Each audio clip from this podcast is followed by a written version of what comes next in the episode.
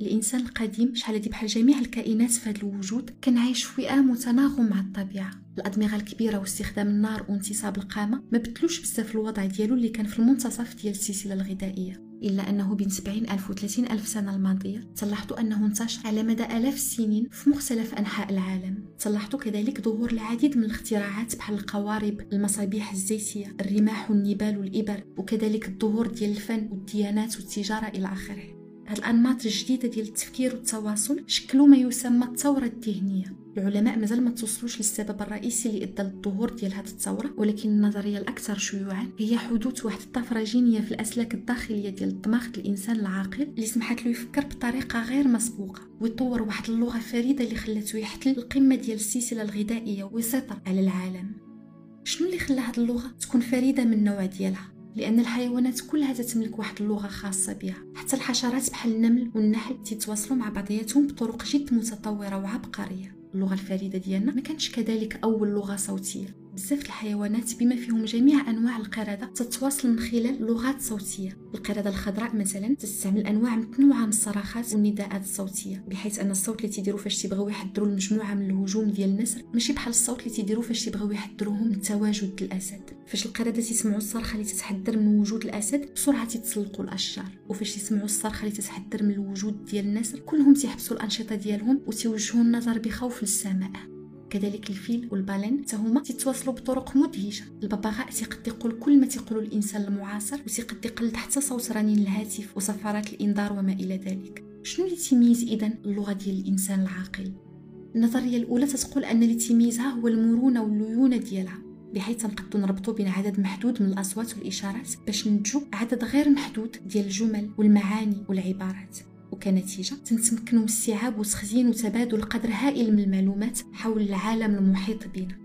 تيمكن للقرد الأخضر مثلا يحذر الزملاء ديالو من وجود واحد الأسد في الجوار ولكن الإنسان الحديث تيمكن له يعاود للأصدقاء ديالو أنه في الصباح بالقرب من النهر شاف واحد الأسد تابع قطيع الجواميس وتوصف كذلك بالتفصيل المكان والمسارات المختلفة اللي تيأديو له مسلحين بكل هذه المعلومات. المجموعة ديالو غادي تتمكن من التفكير ماليا في الأمر وغادي يخططوا لشي استراتيجية اللي غتسمح لهم مثلا بالإبعاد ديال الأسد على القطيع والصيد في أمان إلى آخره. ووفقا لنظرية أخرى اللي حتى هي صحيحة اللغة الفريدة ديالنا تطورت كوسيلة لتبادل ومشاركة المعلومات على العالم ولكن المعلومات الأساسية اللي كانوا تيقوموا بالتبادل ديالها ما كانش تتعلق غير بالأسود وقطعان الحيوانات إلى آخره. حسب هذه النظرية. اللغة الفريدة ديالنا تطورت كوسيلة من أجل النميمة والدردشة والقيل والقال. بحيث أن الإنسان العاقل هو في الأساس كائن اجتماعي بالطبيعة ديالو. التعاون كان المفتاح ديال البقاء والاستمرارية ديالو. إلا أنه ما بقاش كافي بالنسبة له يعرف غير فين كاينين الأسود والقطعان بل ولا مهم كذلك معرفة شكون في المجموعة تكره شكون وشكون داير علاقة مع شكون شكون هو الشخص الصادق والأمين والغشاش إلى آخره. كنتيجة الكمية ديال المعلومات اللازمة اللي ولا خاص التخزين ديالها من أجل مواكبة العلاقات المتغيره باستمرار مع عشرات الأفراد هي كمية مذهلة. بحيث أنه بالنسبة لواحد المجموعة مكونة من 50 فرد كاين 1225 علاقة ثنائية وعدد لا يحصى من التركيبات الاجتماعية المعقدة بين جميع هاد الأفراد.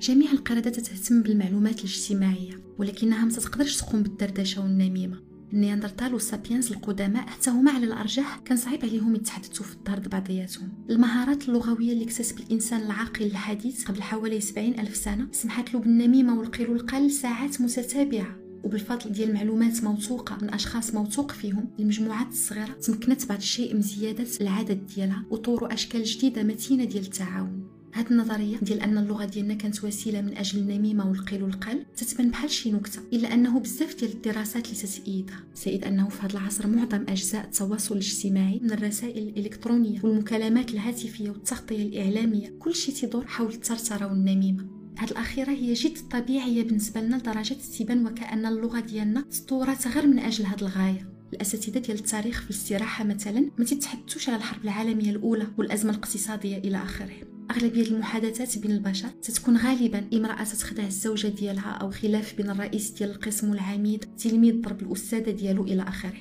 وهذه النميمة غالبا تتكون مرتبطة بالأذى والأفعال السيئة. اللغة ديالنا متميزة كذلك على جميع اللغات ماشي غير حيت تسمح لنا بنقل المعلومات على الأسود وعلى البشر الآخرون بل حتى لأنها تسمح لنا بنقل المعلومات على أشياء اللي ما عندهاش وجود. الإنسان العاقل الحديث هو الوحيد اللي تقدر يتحدث على أنواع مختلفة من المخلوقات والكيانات اللي عمرو شافها أو لمسها أو شعر بها من قبل. حسب العلماء الأساطير والآلهة والديانات والشياطين والأرواح وما إلى ذلك هادشي كله ظهر مع الثورة الذهنية ديال العقلاء. شحال هادي الإنسان القديم كان تيحذر المجموعه ديالو من وجود واحد الأسد ولكن من بعد الثورة الذهنية الإنسان العاقل الحديث ولا تيقول أن الأسد هو الروح الحارسة ديال القبيلة. هاد القدرة اللي ولات عنده أنه تتحدث وتشارك الخيال ديالو مع الآخرين هي أكثر ما تيميز اللغة ديالنا.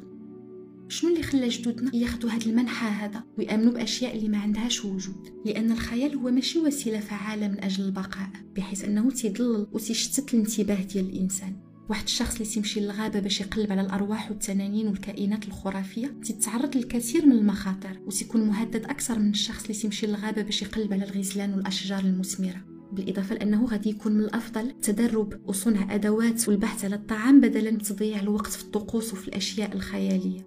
الجواب هو أن العقلاء من خلال التخيل والإيمان جماعة بنفس الخيال ولا بإمكانهم التعاون بمرونة وفعالية مع عدد لا يحصى من الغرباء. النحل والنمل تقدروا يحافظوا على واحد النظام اللي فيه تتعاونوا أعداد كبيرة مع بعضياتهم إلا أنه نظام صارم ما فيهش المرونة. الذئاب تيقدروا يتعاونوا بمرونة أكثر من النمل ولكنهم ما تيفوتوش واحد العدد قليل من الأفراد. الشمبانزي اللي تعتبرهم العلماء أبناء العم ديال البشر تيقدروا يتعاونوا على الصيد ويشكلوا صداقات قوية مع بعضياتهم وتتضامنوا ضد الأعداء إلى آخره ولكن العدد الأقصى ديالهم في الظروف الطبيعية ما تيفوتش 100 فرد في المجموعة. وإلا زاد على هذا الحد النظام الاجتماعي تيتدمر وتيعاود يتشكل بقوى وعناصر جديدة. البشر القدماء حتى هما بحال الشمبانزي عندهم غرائز اجتماعية اللي مكنتهم تكوين صداقات قوية وتسلسلات هرمية كبيرة وخلتهم يصيدوا ويتقاتلوا جنبا إلى جنب إلى آخره ولكن فقط في مجموعات صغيرة اللي فيها كل شيء تعرف كل شيء. فاش تزيد المجموعة على الحد ديالها تنقسم وتتلاشى النظام الاجتماعي ديالها. وخا يكون شي وادي شديد الخصوبة اللي بإمكانه يعيش أكثر من 500 إنسان كان مستحيل التعايش ديال كل هاد الغرباء مع بعضياتهم. غيكون صعب تحديد شكون القائد؟ شكون غيصيد مع شكون؟ شكون غادي يتزوج بشكون إلى آخره؟ الآثار ديال الثوره الذهنيه بحال الثرثره والنميمه ساعدتهم يكبروا العدد ديال المجموعات ولكن المجموعات اللي ما تتفوتش 150 فرد. لأنه أكثر من هكا الأفراد ما غاديش يقدروا يقوموا بالدردشة والنميمة بطريقة حميمية مع جميع الأفراد الآخرين ديال المجموعة.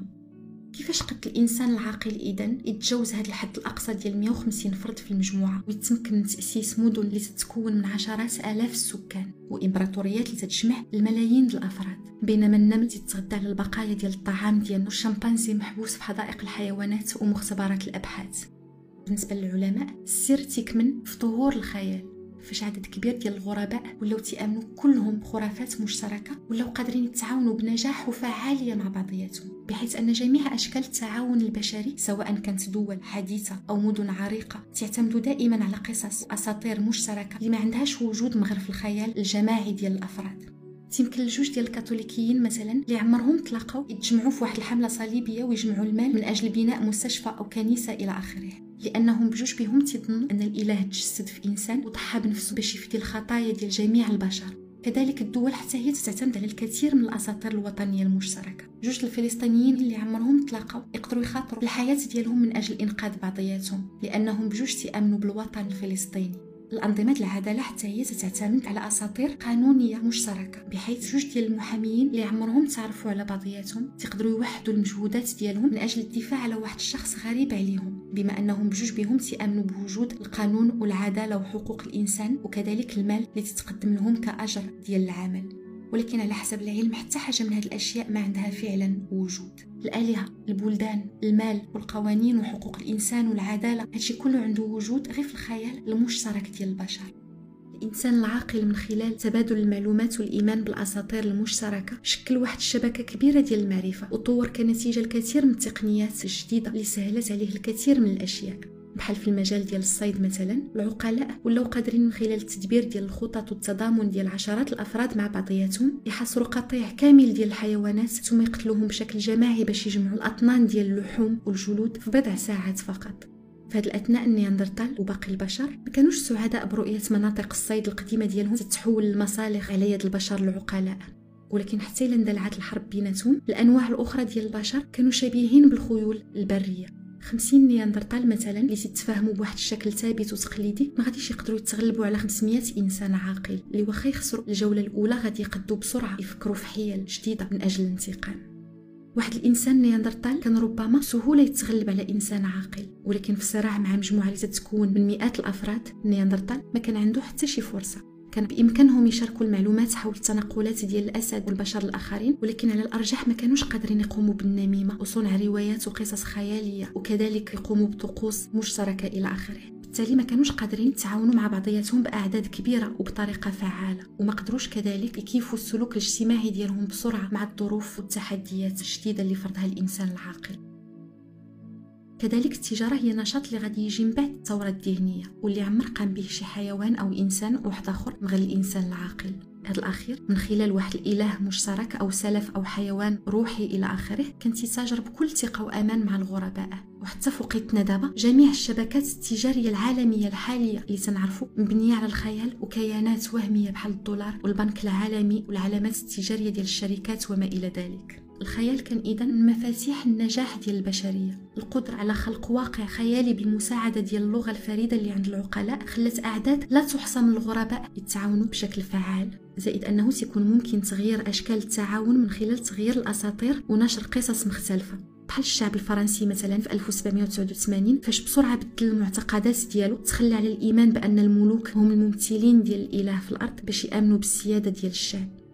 الإنسان العاقل من بداية الثورة الذهنية وهو قادر يغير بسرعة السلوك ديالو وفقا للاحتياجات المتغيرة ديالو. وهكا فتح واحد الطريق سريع نحو التطور الحضاري متجاوز اختناق المرور اللي كاين في التطور الجيني. بالتالي تجاوز جميع الحيوانات وجميع أنواع البشر الآخرون وقدر يبدل الهيكل الاجتماعي ديالو وكذلك العلاقات الشخصية والأنشطة الاقتصادية ومجموعة من السلوكيات الأخرى خلال مدة وجيزة لما تعدتش عشرات السنين.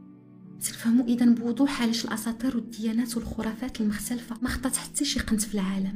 تنفهموا علاش اذا كانوا دائما البشر تيأمنوا بالأشباح والأرواح وتيتجمعوا في اكتمال القمر أو في الكسوف مثلا من أجل الرقص حول النار إلى آخره. لأنه من خلال الإيمان بقصص مشتركة تعززوا النظام الاجتماعي ديالهم.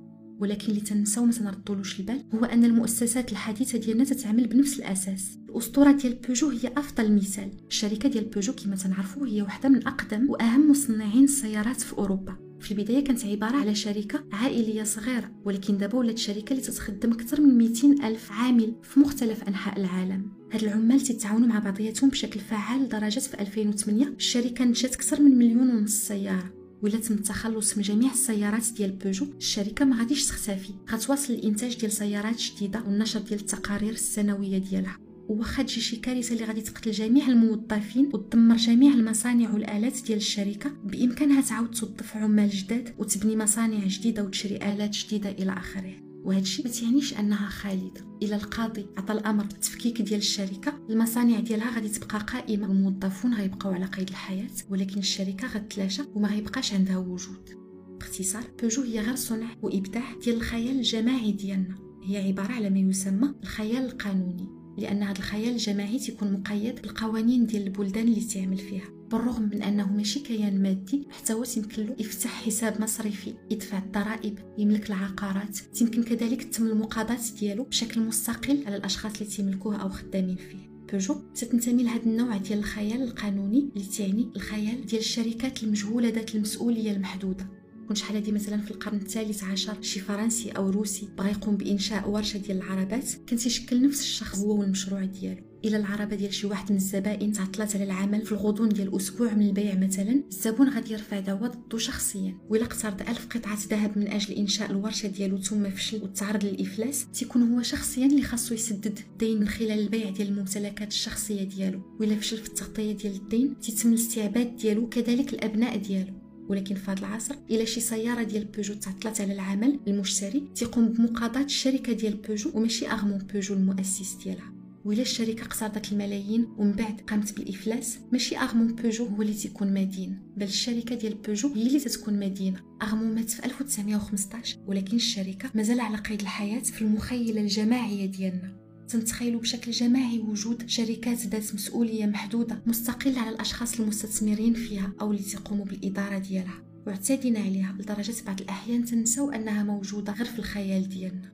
الطريقة باش أرمون بوجو قام بخلق الشركة ديال بوجو هي نفس الطريقة باش الكهنة تخلقوا آلهة وأساطير عبر التاريخ. البشر كانوا دائما تيحكيو قصص وتيقنعوا البشر الآخرين يأمنوا بها.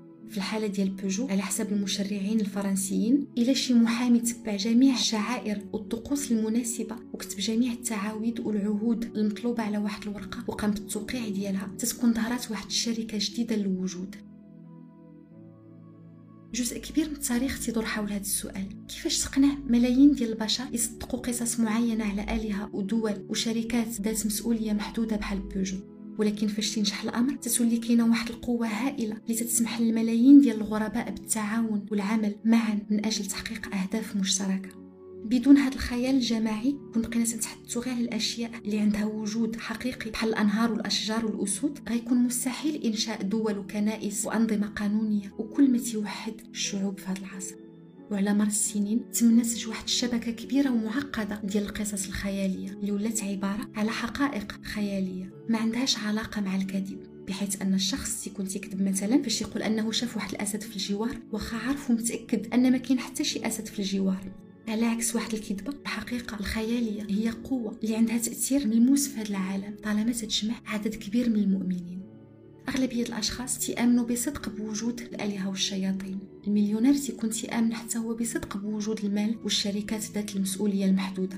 معظم المدافعين على حقوق الإنسان تيآمنوا بوجود حقوق الإنسان وهذه الأشياء هي غير مفاهيم نابعة من الخيال المشترك ديالنا. الإنسان العاقل بالتالي ولا عايش في واحد الواقع مزدوج. الواقع الموضوعي ديال الأنهار والأشجار والأسود من جهة ومن جهة أخرى. الواقع ديال الآلهة والأمم والأوطان والشركات إلى آخره. ومع مرور الزمن الواقع الخيالي ولا قوي أكثر من أي وقت مضى لدرجة أنه في هذا العصر البقاء ديال معظم الأشياء والكائنات تعتمد على مختلف الكيانات الخيالية.